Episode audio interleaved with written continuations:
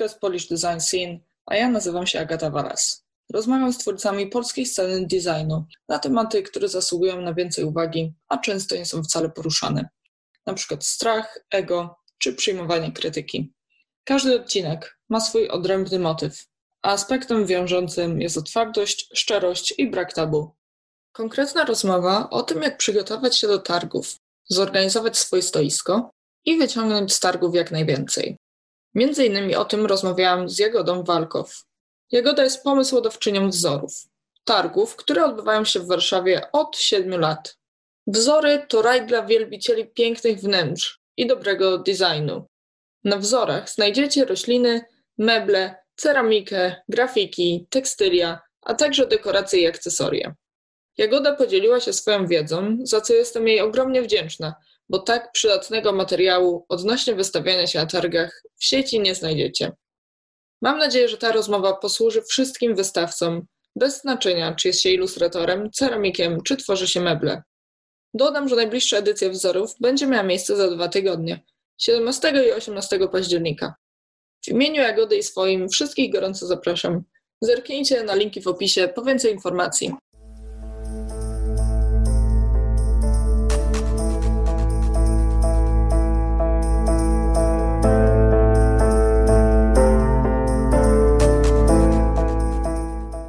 Kiedy w ogóle powstało tak, taki pomysł na to przedsięwzięcie, na, na wzory? Jak, jak to wszystko się zaczęło?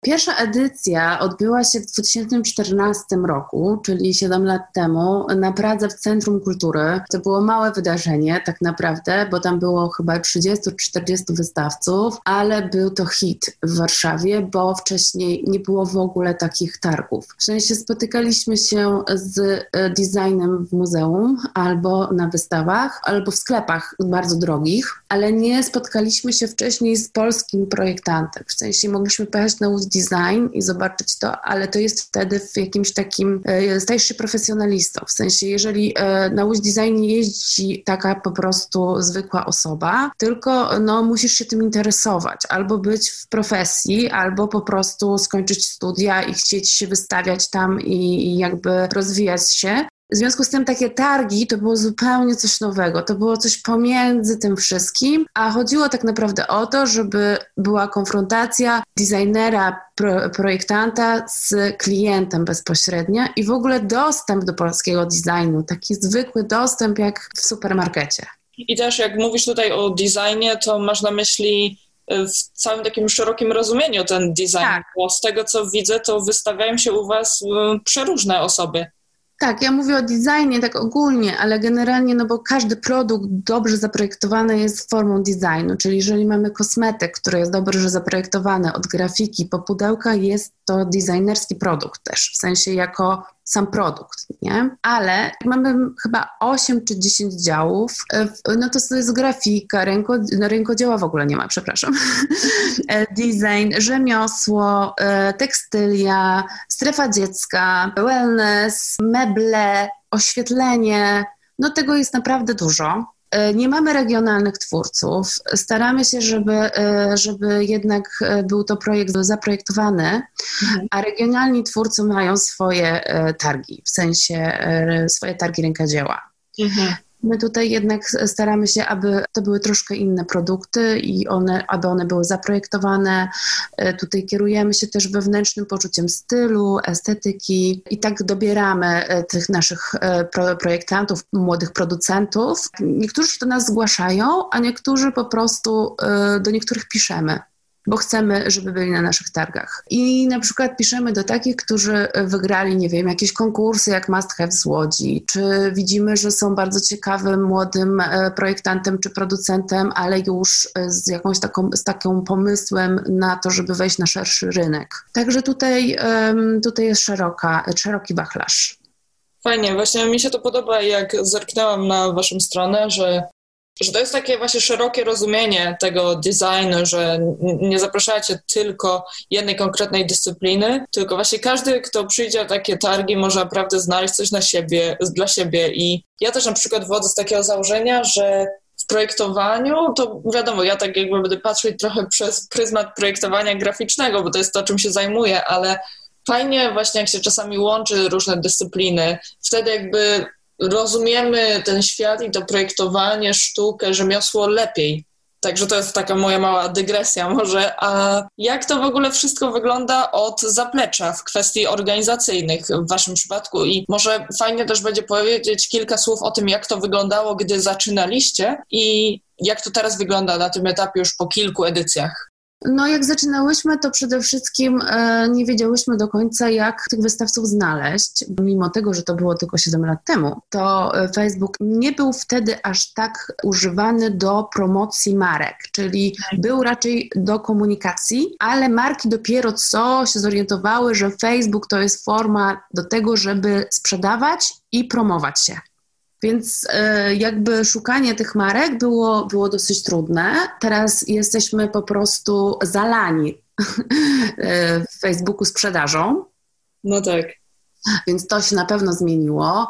Byliśmy pierwsi na rynku w związku z tym e, w takiej formie targowej e, w Warszawie. E, w związku z tym, jak zaczęłyśmy promocję w mediach, no to te marki się do nas zgłaszały i to było ekstra, ale miałyśmy różne problemy.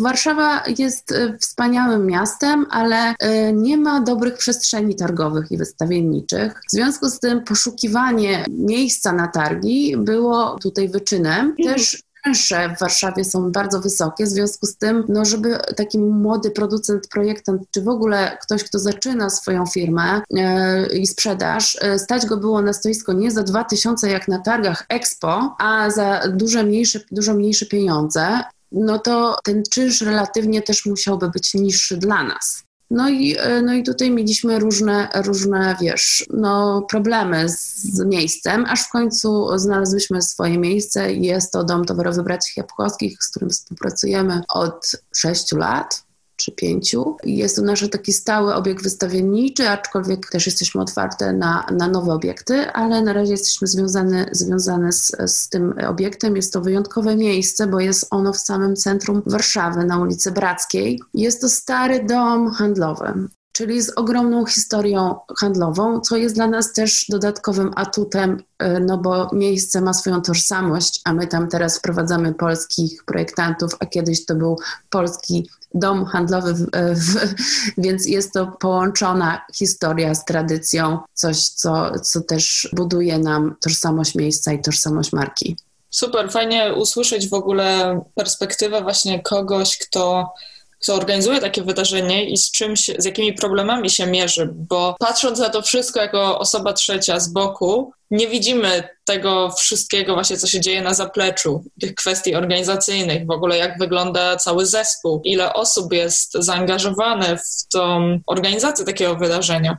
Tak, to jest duży zespół. W sensie na początku miałyśmy naprawdę tam we dwie to robiłyśmy, pierwsze edycje, ale potem to musiało się rozbudować i w tym momencie pracuję na samych targach, pracuje około 15 osób. W sensie to nie są takie wielkie zespoły jak, nie wiem, jak targi Expo, prawda? Tutaj trzeba mieć to pod uwagę, ale na samych targach pracuje około 15-20 osób. Przed targami, czyli osoby, które się zajmują social mediami, PR-em, e, komunikacją, sprzedażą, no to sam sam nasz team, taki stały, to jest około siedmiu osób, które pracuje z nami na różnych, e, na, w różnej formie tak jakby mój team taki wewnętrzny, czyli to jestem ja i Anna Indulska i my we dwie jakby to tworzymy, a wszyscy inni są z nami, współpracują i tworzą też, ale jakby tutaj decyzyjnymi osobami, co się dzieje z wzorami dalej, jesteśmy my we dwie.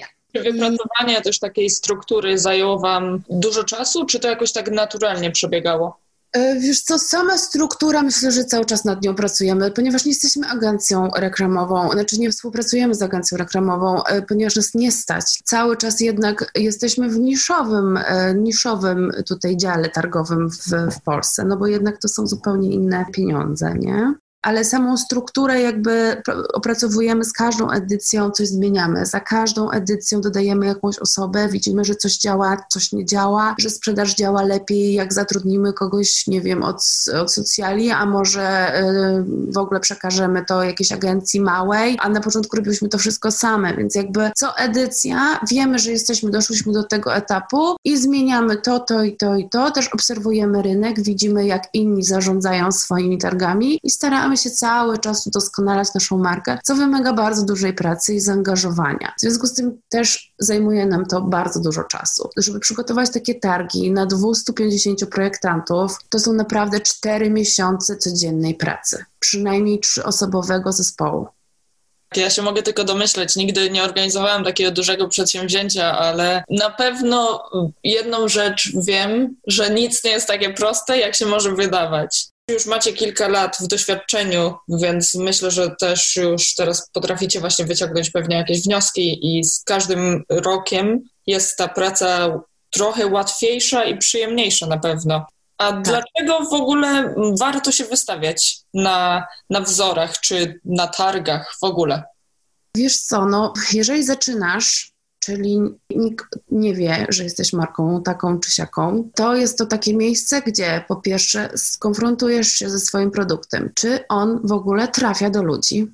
I e, to jest po pierwsze. Po drugie, rozszerzysz swoją bazę klientów. No bo na takie, takie targi odwiedza około 10 tysięcy ludzi. W związku z tym jest bardzo duża szansa na to, żeby produkt sprzedać i jeszcze mieć stałych klientów. Oczywiście to nie dzieje się natychmiast na targach, jest to proces po targach. Czasem nawet do dwóch lat to trwa. Mhm. W sensie, że jakby e, chodzi, jesteś na targach, jesteś na targach, jesteś na targach, a nagle cię podrywa jakiś producent i produkuje twój produkt, albo do, e, idzie ceramika, idzie do sieci restauracji twoje, bo jest już też, bo właśnie z targów cię wyjął e, jakiś, nie wiem, menadżer jakiejś restauracji. Także tutaj, tutaj jest bardzo dużo atutów za tym, żeby wystawiać się na targach. Jest to po prostu promocja twojej marki i czysty networking połączony z naprawdę klientem bezpośrednim czyli nie dosyć, że poznajesz swoją konkurencję bardzo dogłębnie, to e, do tego spotykasz się z, e, bezpośrednio z Twoim klientem i też go możesz bardzo szybko wyselekcjonować i też poprawić swój produkt. Czyli jeżeli coś wyprojekt, zaprojektowałeś, jesteś na targach, konfrontujesz się z klientem, na następnych targach okazuje się, że przychodzi ci ten sam klient i mówi, no to jest ekstra, ekstra, ale nie wiem, źle mi się pije z tego kubka, nie? Bo to i to. I ty możesz, ponieważ jesteś rzemieślnikiem, e, artystą, po prostu zmienić coś i polepszyć swój produkt. Czyli to jest coś, co, czego w ogóle jakby nie ma w żaden, w żaden inny sposób nie jesteś w stanie skonfrontować się z klientem tylko i wyłącznie przez targi.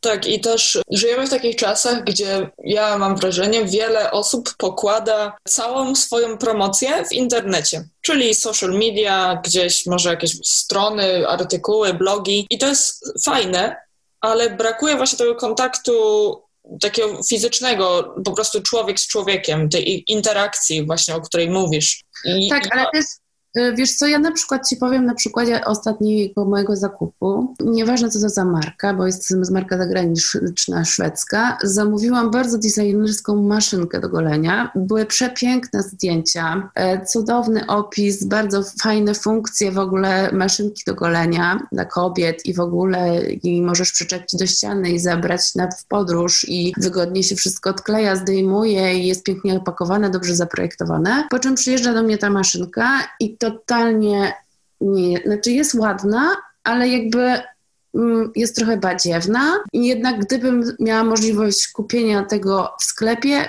zastanowiłabym się cztery razy, czy ona jest e, lepsza od zwykłej maszynki, która jest obok, w sensie czym ona się różni, nie? I to jest właśnie taki przykład, który mówi nam o tym, że w sklepie online kupujesz zdjęcia. Tak, tak. naprawdę ty kupujesz ty kupujesz to, co widzisz na zdjęciu, bo on to zdjęcie cię przyciągnie. Bo ta pani ma piękne nogi i ta maszynka jest na tych nogach w ogóle wyjątkowa. I jest ten design w tej pięknej łazience zaprojektowanej w ogóle przez jakichś szwedzkich designerów i to idealnie w ogóle pasuje do twojej zwykłej łazienki bloku. w każdym razie, czy w domu, nieważne, w każdym razie jakby kupujesz zdjęcie. Tak no tak, nie mogę, nie mogę się z tym nie zgodzić. Może nie mam takich doświadczeń aż takich e, ostatnich, zwłaszcza z produktami takimi rzemieślniczymi bardziej, czy jakimiś plakatami, ale y, jeśli chodzi o ciuchy, to ostatnio się właśnie bardzo przejechałam na kilku sklepach, no z tego samego powodu właśnie, że zdjęcie jest zrobione pod jakimś tam innym kątem, w lepszym świetle, później dostaję faktycznie ten produkt, no i to w ogóle nie jest to. I też właśnie od, od tego momentu stwierdziłam, że koniec zakupów online. Także, także tak. zgadzam się. Tak, tak, no to jest właśnie to. Te zakupy online jakby są ekstra, tylko wtedy, kiedy wiesz, co kupujesz, nie? Czyli y, nie przyciąga cię samo zdjęcie, ale to, jaki to jest produkt, bo wcześniej już się z tym projektem skonfrontowałaś. Czyli ty wiesz dokładnie, jak to bierzesz do ręki, czy to ci pasuje. Mhm. Jeszcze tak sobie pomyślałam też o tym, że plus prawdopodobnie bycia na targach jest taki, że dużo zależy od naszej osobowości w ogóle, bo e, w internecie, na przykład scrollując na Instagramie, e, scrolluję i nawet jeśli coś mi wpadnie w oko, prawdopodobnie za chwilę o tym zapomnę. Bo jest tego materiału w sieci mnóstwo i jesteśmy po prostu bombardowani tymi zdjęciami. Jest mnóstwo świetnych artystów, a jednak na targach można zrobić prawdziwe wrażenie i po prostu złapać kontakt z ludźmi. Później pamiętamy te osoby, te twarze i te produkty lepiej. Tak, no to po pierwsze, a po drugie, wiesz, no na targach jakby konfrontujesz się z tym, co zaprojektowałaś. I wiesz po takich targach, po pierwsze, jaka jest reakcja na twój produkt. To jest, wiesz, tego ci Facebook ani żadna, żadna sprzedaż online'owa nie da. A jak w takim razie przygotować się do takich targów? Od czego należy zacząć? Mówiłaś trochę właśnie o tym, że kontaktujecie się z, z, różnymi osobami i... Tak, my się kontaktujemy, ale też zapraszamy do zgłoszeń zawsze. Znaczy w sensie ludzie się do nas zgłaszają sami, nie? Z, z, po prostu znają już nas, że, że warto się u nas wystawić. E, ze względu na to, że dostaną w zamian promocję i, e, i kontakt z klientem. Jak przygotować się do targów? Mianowicie takim podstawowym, moim zdaniem, przygotowaniem, zanim się w ogóle wybierze na targi, to trzeba najpierw właśnie wszystko sobie zainstalować w sieci. Czyli zakładamy sobie podstawową stronę www, mamy Facebooka i Instagrama, czyli działamy na wszystkich social mediach, nie? Po prostu. Bo, bo, bo bez tego jesteśmy na targach i potem nie ma z nami kontaktu y, w ogóle, nie? Nawet jeżeli jest mail, no to nie wróci się do tego, do tych produktów. No tak. To jest bardzo ważna rzecz. Druga, przygotować sobie wizytówki, ale nie już w takiej formie jak papierowej nawet, tylko pomyśleć o czymś, co jest jakąś formą atrakcyjną, czyli jak może wyglądać moja wizytówka, żebym został zapamiętany. Bo jeżeli ja jako klient jestem na targach i dostaję 2000 wizytówek, czy 200, to e, po prostu one są w mojej torbie i e, no i ja gdzieś już nie wiem, z kim rozmawiałam i o co mi chodziło. E, może to jest jakaś forma pocztówki, a może to jest, gdzie jest już ten produkt narysowany, w sensie graficznie czy zdjęcie, a może to jest jakaś forma, no nie wiem, jak sprzedaję, nie wiem, projektuję długopisy czy notesy, może to jest w jakiejś formie takiej notesu czy jakiegoś produktu już, mini, w jakiejś takiej bardzo taniej formie, ale już zaprojektowanej, żebym nie wpierała wizytówek, nie? Żebyśmy odchodzili od tego, że wizytówka, gdzie jest imię, nazwisko, czy nazwa firmy i coś tam, to jest jakby coś, co ludzie zapamiętają. Nie, tego ludzie nie zapamiętają i wyrzucają, więc zróbmy coś, co wychodzi z formy wizytówki, ale zostaje, zostaniemy zapamiętani, czyli coś, co możemy dawać. E, drugą rzeczą, no, trzecią rzeczą to jest zaplanowanie wyglądu stoiska tak, aby identyfikowała się z marką. Czyli jeżeli projektuję ekologiczne, nie wiem, yy, zbiory cyklingowane kubki, to nie mam stoiska z plastiku. Tylko projektuję wtedy sobie wszystko ze drewna, czy sklejki, czy jakiejś innej formy która jest, identyfikuje mnie z marką. Czyli wizualnie jestem połączona z moim stoiskiem, bo to jest zapamiętywane. Jeżeli jestem ceramikiem i mam designerską ceramikę, nie wiem, jakąś wyjątkową, szkliwa, coś tam, to jak położę zwykły lniany szary obrus, ok, ale może, może mogę zrobić coś wyjątkowego, postawić kubiki, pomalować je w jakieś szkliwa, no wymyśleć coś, co jest w ogóle poza jakby taką zwykłym stołem z krzesłem i e, wyjść z tej formy i pomyśleć, jak bym chciała być, czy chciał, jak bym chciała, żeby moja marka była identyfikowana, czyli to moje stoisko, jak ma wyglądać, żeby klient, który do mnie przychodzi, pomyślał sobie, kurczę, piękne projekty, ale świetnie w ogóle tutaj się czuję w tej maleńkiej przestrzeni, która jest zazwyczaj 1 na 1,5 metra, czy 1 na 2, albo 2 na 2, albo na 3 na 3 czyli coś, co jakby zbudować już tą przestrzeń y, z obiektem, nie? czyli łączymy tę małą przestrzeń z obiektem i tworzymy taki spójny, spójną wizję tego stoiska, czyli co wiąże się z jakąś wizją marki stoisko na pewno potrafi zaprosić więcej ludzi po prostu przez sam swój wygląd, zachęcić tak. do tego, że, żeby podejść i zobaczyć właśnie, jeśli ktoś zaprezentuje się w bardzo ciekawy sposób, to, to się po prostu rzuci w oczy i sami będziemy chcieli podejść i zobaczyć, co ta osoba ma do zaoferowania. I jeszcze mam tutaj jedną rzecz dosyć istotną. Mhm. E, przy, przy, przy przygotowaniu można pomyśleć, żeby przygotować jakiś voucher albo jakąś zniżkę na coś, albo jakąś promocję, a może jakieś działanie, nie? Warsztat, coś, co będzie ekstra dla odwiedzających, z czego stoisko obok albo stoisko z prawa i z lewem na pewno o tym nie pomyśli, bo sprawdziłam, co to za stoiska i to są jacyś, nie wiem, na mapie, która jest wysyłana dwa tygodnie przed wydarzeniem, że oni już są na rynku po, po 10 lat i po prostu oni już y, myślą, że wszystko tutaj y, y, sprzedadzą i tak, a ja tu jestem nowa i wymyśliłam jakieś coś wyjątkowego dla odwiedzających, nie?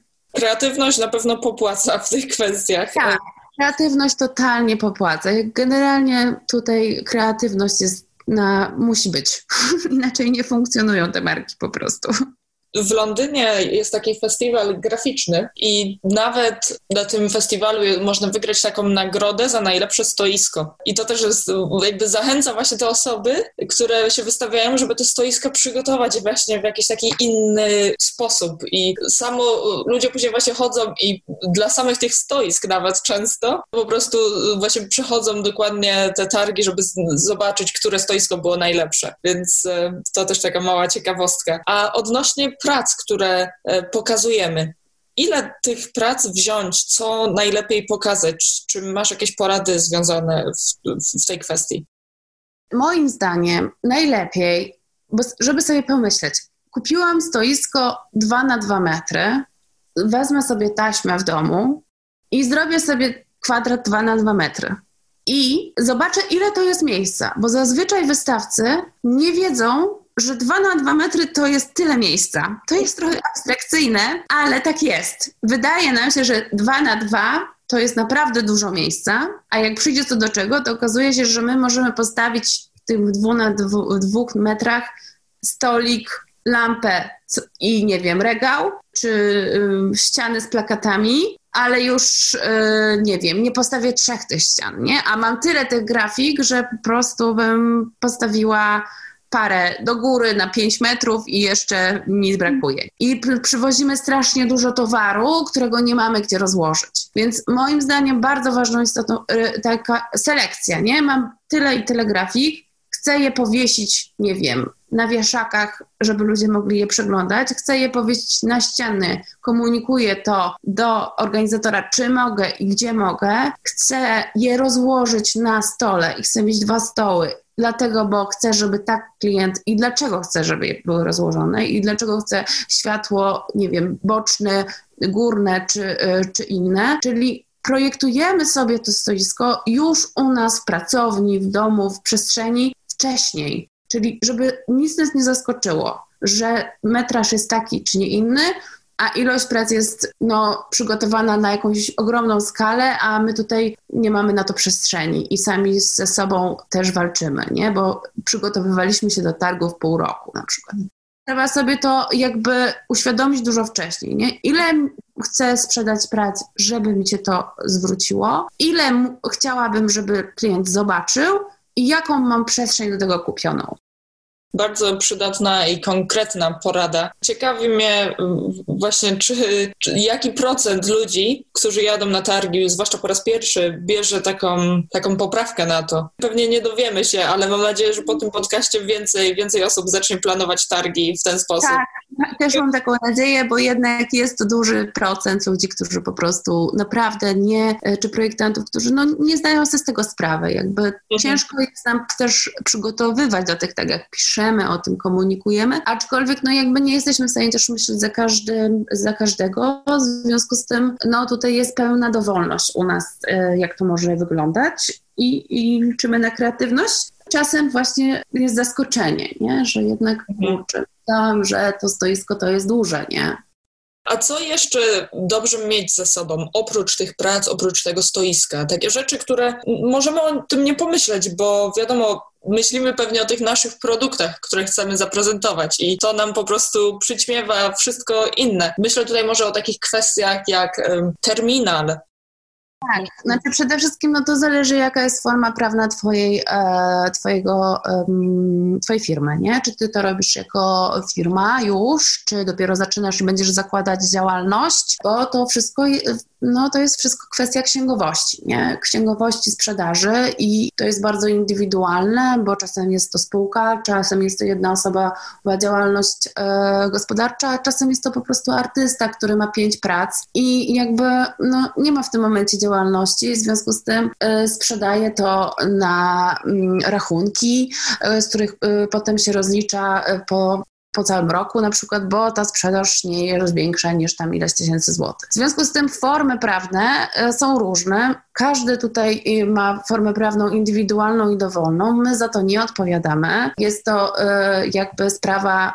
bardzo indywidualna i danego, znaczy tego wystawcy ale warto, y, ci co mają firmę, bardzo ważne, żeby mieć terminal, y, a czasem nawet dwa terminale, jak jest duże stoisko. Ważne, żeby y, mieć kasę fiskalną, bo w razie kontroli przez Urząd Skarbowy, to z takich kwestii formalno-księgowych to, to, to tyle.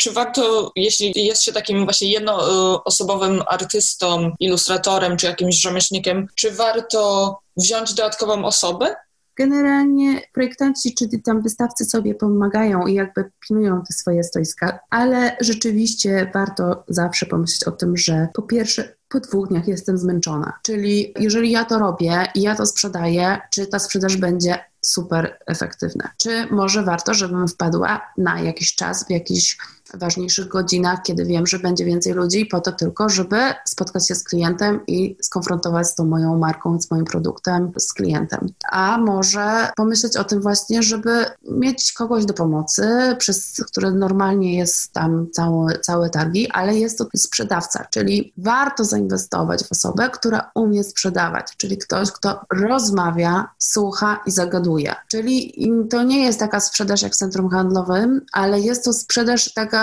czujna, czyli no nie, nie, nikogo nie nagabujemy, ale zagadujemy. Czyli jeżeli ktoś podchodzi do naszego stoiska i dotyka nasze przedmioty, my rozmawiamy z nim o tym, co dotyka i co zrobiliśmy, jakie mamy plany, dlaczego to jest taki kolor i jak to szkliwimy, a może chce wiedzieć więcej i wtedy dostaje od nas właśnie tę wizytówkę taką w innej formie, nie? Więc tutaj, e, tutaj naprawdę warto pomyśleć o tym, czy ja na pewno umiem sprzedawać, zadać sobie takie pytanie, nie? I czy ja chcę sprzedawać?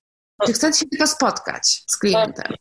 Myślę, że często osoby, które wystawiają się na targach, zwłaszcza ten pierwszy raz, nie biorą tej kwestii pod uwagę, że to jednak trzeba będzie rozmawiać z ludźmi, trzeba będzie umieć zaprezentować te swoje prace i tak właśnie trochę sprzedać nawet je. Moje nawet małe doświadczenie pokazuje to, że często osoby, nie wiem z czego to wynika, czy to może właśnie nie wynika z tego, że na przykład po kilku dniach czy po kilku godzinach jesteśmy już po prostu zmęczeni tym staniem na tych targach, ale często wystawcy nie zagadują osób, które nawet już podchodzą do tego stoiska. Jak ty właśnie widzisz tą sprawę? Czy może masz jakieś takie konkretne porady, jakieś jeszcze dodatkowe, coś o czym nie wspomniałaś? Ja mam taką poradę, że jeżeli zatrudniamy już osobę do sprzedaży i nie kontrolujemy kompletnie tej osoby, albo wiemy, że to jest jakaś koleżanka, która po prostu chciałaby przyjść, albo nie ma pracy, albo ma czas, albo coś tam, to może się też zastanówmy dwa razy, czy ją brać, bo sprzedaż to nie jest siedzenie na Instagramie e, czy na telefonie, nie? To jest bardzo aktywna praca z klientem. I moja rada jest taka, żeby po prostu zrobić sobie może, jeżeli to jest nawet maleńka pracownia, zrobić sobie takie spotkanie wewnętrzne w dwu, czy, czy nawet zaprosić jakieś koleżanki, czy znajomych, czy ludzi zatrudnić, e, w zależności od wielkości firmy i zrobić po prostu takie szkolenie w ogóle, jak ja chcę, żeby sprzedawany był mój produkt.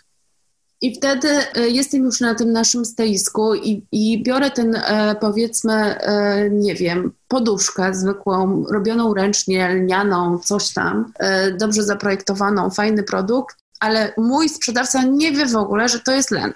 I ktoś bierze ten, tą poduszkę i się pyta, no ale co to jest? No, no jakaś bawełna, coś tam, coś tam. No zaraz sprawdzę, nie? I w tym momencie kompletnie traci się wiarygodność produktu. W związku z tym nasz klient już wie, że ta osoba, która sprzedaje, a przyszedł na targi spotkać się z produktem, nie wie, co sprzedaje. To jest pierwsza rzecz. Złe dobranie osoby może jeszcze zaszkodzić.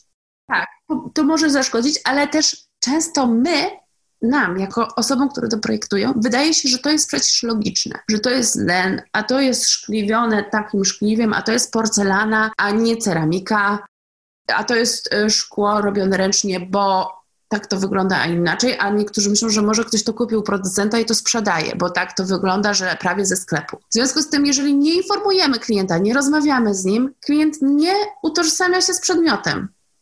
I najważniejsze w takiej sprzedaży jest opowiadanie o tym, co sprzedaję, jak zostało wykonane, jaką pracę włożyłem, żeby to wykonać. Czyli ten produkt powstawał przez trzy miesiące, bo to i to. Prototyp robiłem tego pro, produktu tyle, jak już takiej większej rozmowie. To jest bardzo istotne, bo to jest spotkanie, konfrontacja produktu do ceny. Czyli jeżeli ja wiem, że ten ktoś to robił dwa miesiące, to dlatego to nie kosztuje 50 zł jak w Tesco po prostu, no, jakby to jest, to, to jest bardzo istotne. Zapominamy o tym kompletnie jako sprzedający, jako artyści, jako producenci czy, y, czy rzemieślnicy. Zapominamy o tym kompletnie, a to jest to, co daje, że ten przedmiot jest inny niż wszystkie pozostałe. Myślę, że też warto w tym momencie podkreślić to, że taki idealny prawdopodobnie przepis na to, żeby wyciągnąć jak najwięcej z tych targów, będzie nie teraz wybranie jednej rzeczy z tych takich kwestii, o, który, o których mówimy, tylko właśnie skrupulatne pracowanie nad każdym elementem, czyli nad tymi naszymi pracami, które wystawiamy, nad tym, jak te prace pokażemy na stoisku, czyli jak to stoisko będzie wyglądało, nad tym właśnie, jak będziemy rozmawiać e, z klientem, bo to też pokazuje, jaką marką jesteśmy. I to wszystko jest bardzo ważne. Są tak. jakieś takie inne, inne problemy, z którymi spotykają się wystawcy? No, wystawcy się spotykają e, z, z, e, oprócz w takim kontekście z klientem, no to już może nie, ale z takimi logistyką, nie? Że po prostu na przykład nie czytają maili od nas, albo co jest bardzo istotne, albo zadają pytania już za późno, czyli jesteśmy tydzień przed targami i nagle ktoś dzwoni, no ja mam taki pomysł na stoisko, taki, taki, taki, taki, co pani o tym myśli? No ja mówię, no wie pan, no teraz to już trudno mi cokolwiek poradzić takim czasie, nie? Czyli przewidywać sytuację. To jest taka moja, moja rada, żeby unikać problemów. Też pakowanie, nie? Jeżeli mam e, spakowane każde w osobnej siatce czy kartonie, no to jak ja to wniosę na trzecie piętro? Czyli pakujmy rozsądnie rzeczy, tak żeby były komp e, takie kompleksowe, kompatybilne, żebyśmy mogli to szybko rozłożyć, szybko schować, szybko zanieść, szybko wnieść, nie? I też pamiętajmy o ilości ile ma być, czy my musimy zawalić to stoisko, czy my chcemy pokazać produkt, czy my chcemy dużo sprzedać, czy my chcemy tylko oznajmić, że chcemy, że będziemy dalej pro projektować, produkować, a dzisiaj jesteśmy tutaj z naszym jednym prototypem, nie? To wszystko zależy od tego, co chcemy i co ma nam to dać w późniejszym efekcie, nie? Czyli myślimy o tym, co sprzedajemy, po co, w jakim jesteśmy miejscu i po co jesteśmy na tych targach dużo tych kwestii organizacyjnych, które też są właśnie istotne. I może tutaj jeszcze nawiążę właśnie odnośnie tego przygotowania, bo nie wiem, czy dokładnie poruszyłyśmy tę kwestię właśnie tego przygotowania zgłoszenia. Jak, jeśli wysyłamy zgłoszenie na takie targi, co w tym momencie powinniśmy już wiedzieć? Zgłaszamy się na te targi też po to, żeby otrzymać promocję. W związku z tym zastanówmy się, czy chcemy tą promocję mieć szerszą czy mniejszą bo my w swojej ofercie dajemy możliwość promocji promowanych postów, dajemy możliwość miejsca w folderze, dajemy możliwość miejsca na stronie, w zależności od wydarzeń większych czy mniejszych. Czy nas na to stać, czy warto to kupić, bo jak mi ktoś, duża marka, jak, która ma, nie wiem, 20 czy 30 tysięcy followersów, jak my, podpromuje mój post, to nagle u mnie zobaczy to 10 osób, a u nich może 10 tysięcy a to tylko kosztuje na przykład 50 zł, nie? Więc tutaj się zastanawiamy, co chcemy, jaką szeroką promocją chcemy mieć i na co nas stać i czy nam to coś da, ale żeby tą promocję uzyskać, jakąkolwiek, to potrzebujemy do tego dobre zdjęcia. W związku z tym nie wysyłamy zdjęć z telefonu. Chyba, że potrafimy te zdjęcia zrobić naprawdę dobrze, bo z telefonu też można zrobić świetne zdjęcia produktowe. Żyjemy w czasach, kiedy telefon pełni naprawdę wszelkie funkcje i można naprawdę zrobić super zdjęcia, tylko trzeba je umieć robić. Czyli wysyłamy zdjęcie produktu nie na czarnym tle, chyba że jest to e, w sensie, chyba że jest zamysł taki, nie? Czy nie na kolorowym, nie na szmatkach, nie na e, wiszącym czymś z tyłu, jakiś kawałek pokoju, pies, coś tam. Po prostu starajmy się zrobić dobre pakszoty, starajmy się wymyślić to zdjęcie tak, żeby było atrakcyjne, żeby ten produkt, może warto zatrudnić kogoś przygotować sesję, bo to nam będzie sprzedawało właśnie w internecie, na social mediach. Więc najważniejsze na początku dobre zdjęcia.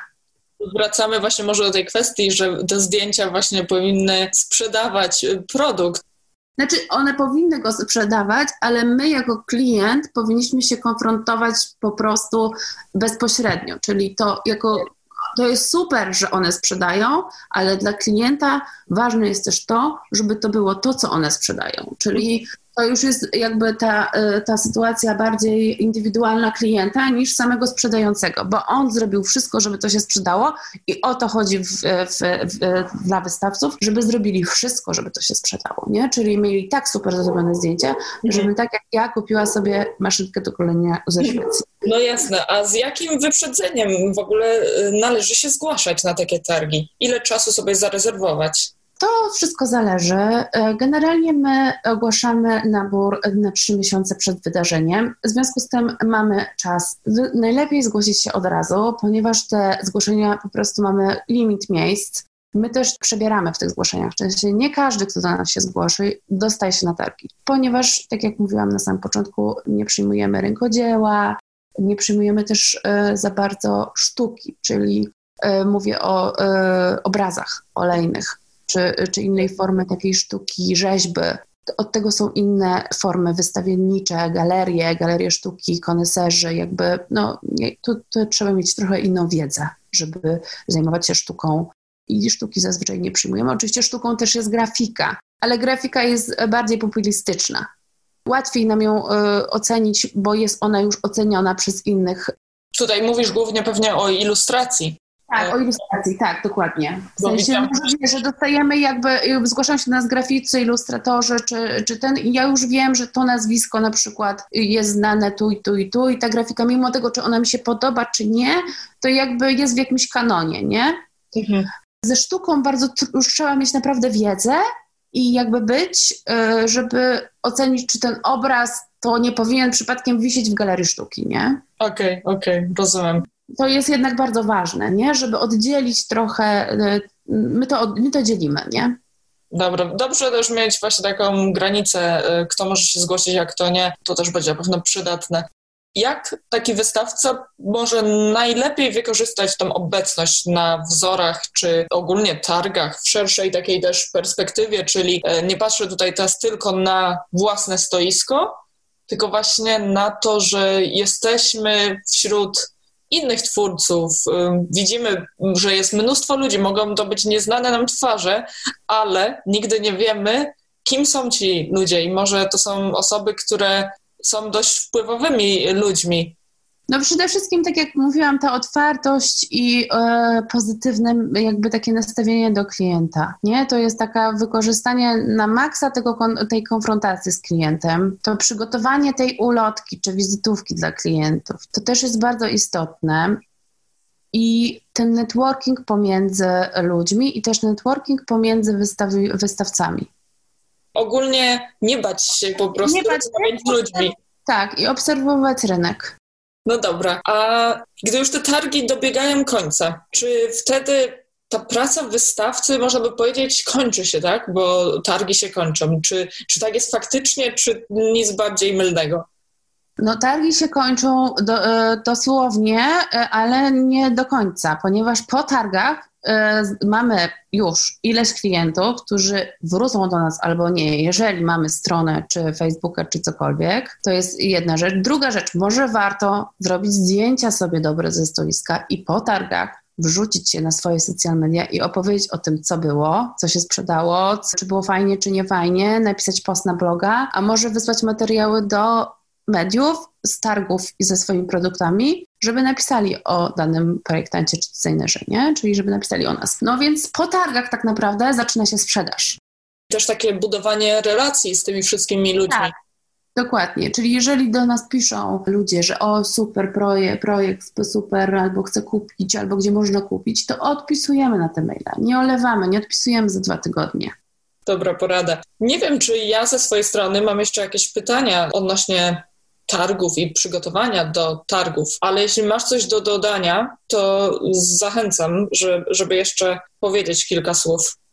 Wiesz co, no już chyba wyczerpałyśmy. Myślę, że porady wszystkie dla właśnie te czytanie materiałów, to już rozmawiałyśmy o tym, czytanie materiałów od organizatora, czytamy maile, że jesteśmy otwarci, rozmawiamy, że mamy, może zatrudniamy dobrego pracownika jakiegoś do sprzedaży, żeby to nasze, nasze stoisko było bardziej pro, jesteśmy nastawieni totalnie pozytywnie nie? na targach, czyli też przychodźmy z tym, do tych targów z uśmiechem. Nawet jeżeli coś nam się nie podoba, stoisko mamy nie w tym miejscu, co byśmy chcieli. Bądźmy jakby otwarci i z tą miną taką uśmiechniętą świećmy na tych targach, a nie z, z zawieszoną, zawieszoną do dołu. Nie? To też jest taka istotna rada. Uśmiech też działa dobrze na ludzi i jest to coś, co przyciąga. Tak, Więc targów E, nie podchodzimy na zasadzie tu i teraz. Nie? Klienci wracają często po kilku tygodniach, miesiącach. Potrzebują czasu, żeby przemyśleć swój zakup. Dziękuję w ogóle za to, że podzieliłaś się właśnie tą wiedzą i myślę, że wiele osób wyciągnie z tego wnioski i też pomoże im to właśnie zorganizować kolejne swoje stoiska na targach w lepszy sposób, zaprezentować się bardziej oryginalnie, więc mam nadzieję, że kolejne edycje będą jeszcze większym sukcesem i dla wystawiających się, i dla Was jako organizatorów. Tak, też mamy takie nadzieję, że to się wszystko będzie rozwijało, że marki będą wystawiały się lepiej, a my będziemy robiły coraz lepszą promocję i będziemy wszyscy rosnąć w sile. Tego mogę Ci życzyć i, i po prostu widzimy się na targach. Dokładnie, do zobaczenia na targach.